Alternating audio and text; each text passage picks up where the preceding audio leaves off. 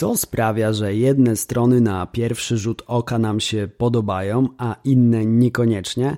Jakie elementy muszą zagrać, żeby użytkownik uznał stronę za przyjazną i chętnie z niej korzystał? I jakie korzyści daje działanie zgodne z user experience? O tym w dzisiejszym odcinku. Cześć, ja mam na imię Łukasz, a to co słyszysz to siódmy odcinek efektywnej firmy podcastu CS Group Polska, w którym pomagamy przedsiębiorcom poczuć się w sieci jak ryba w wodzie. Zaczynamy. A zaczniemy od podstaw, czyli czym właściwie jest zawarte w tytule pojęcie user experience. User experience to szerokie zagadnienie. Z języka angielskiego to po prostu doświadczenie użytkownika, czyli suma wszystkich jego wrażeń podczas korzystania z produktu lub usługi. Dziś będę mówił przede wszystkim o stronach internetowych, ale warto wiedzieć, że UX dotyczy korzystania z różnego rodzaju ofert. Możemy mówić o user experience filiżanki, user experience śmigłowca lub wizyty w salonie fryzjerskim. Głównym celem user e, experience jest odkrywanie, czego oczekuje użytkownik i na podstawie tej wiedzy ciągłe ulepszanie swojego produktu lub usługi.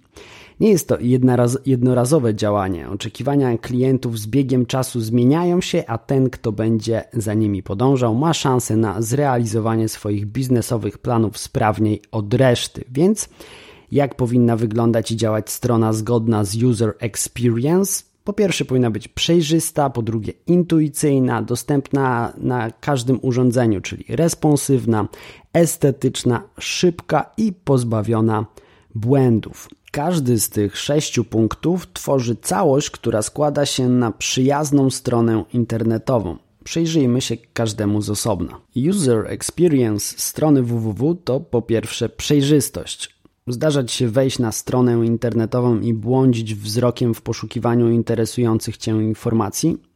To zły znak dla właściciela tej strony, bo użytkownik, który odwiedza dany adres, po kilku sekundach powinien wiedzieć, gdzie znajdzie interesujące go treści. W innym przypadku szybko straci zainteresowanie.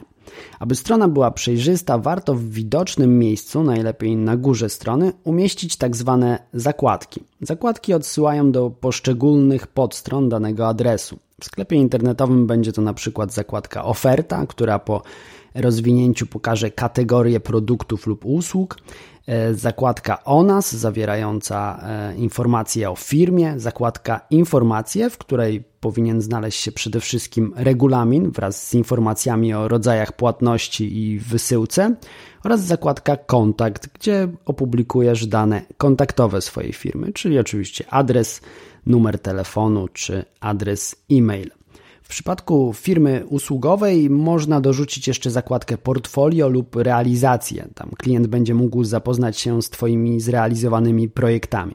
Ponadto, aby odwiedzający mógł sprawnie poruszać się po stronie, warto umieścić na niej opcję wyszukiwania i filtrowania treści. To znacznie ułatwia życie. Przypuśćmy, że klient szuka taniego fotela biurowego, wchodzi na stronę sklepu z meblami, wpisuje hasło fotel biurowy i korzysta z filtrowania, które sortuje produkty od najtańszego. To zaledwie kilka kliknięć, a użytkownik już ma przed sobą, przed sobą interesującą go ofertę, ułożoną w dodatku zgodnie z jego oczekiwaniami.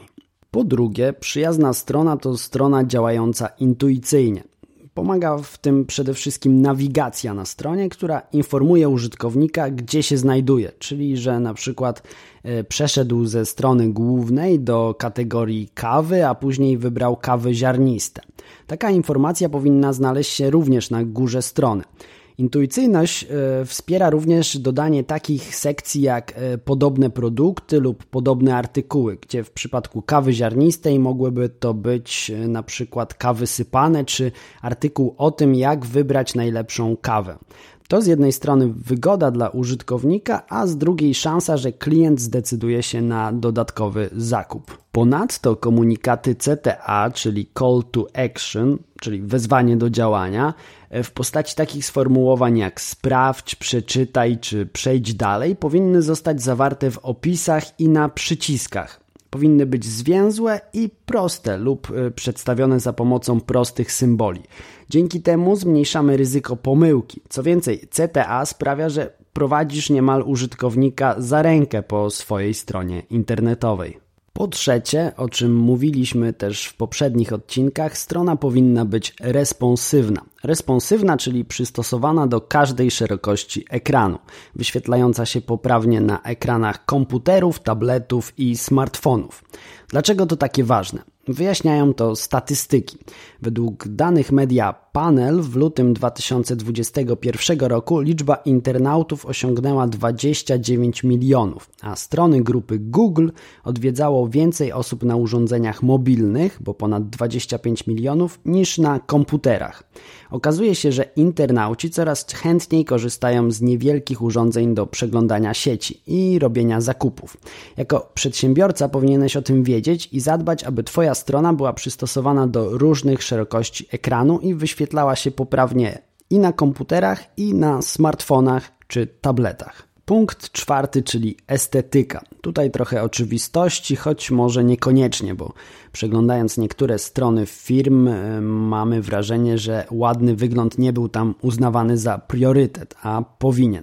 Wiadomo, że wiele zależy od gustu, ale dobrze, gdy Twoja strona e, pasuje do branży, w której działasz. Inna kolorystyka sprawdzi się w przypadku firmy transportowej, a inna w przypadku sklepu z odzieżą dla dzieci. Ponadto dobrze, jeśli Twoja strona podąża za trendami.